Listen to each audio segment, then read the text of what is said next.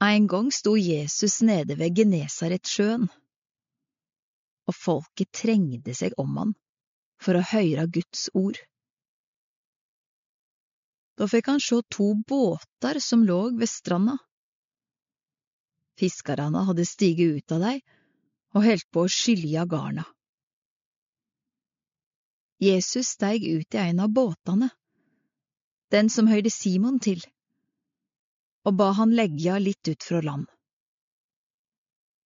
Så sette han seg og underviste folket fra båten. Da han hadde tala ferdig, sa han til Simon, Legg ut på djupet og set garna, så det kan få fisk.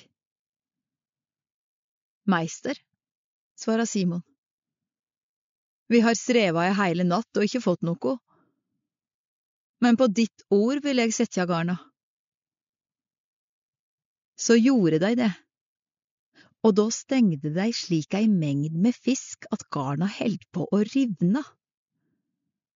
De ga teiken til arbeidslaget i den andre båten at de skulle komme og ta i med dei, og da de kom, fylte de begge båtene, så det var nære på dei sokk. Da Simon Peter så det, kasta han seg ned for Jesu føtter og sa, Gå fra meg, Herre, jeg er en syndig mann.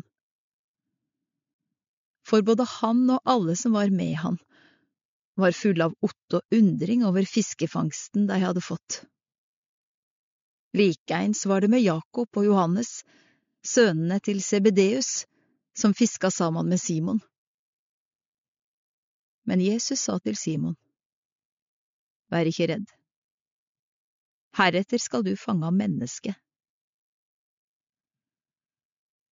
Så rodde dei båtene i land, gikk fra alt og følgde han.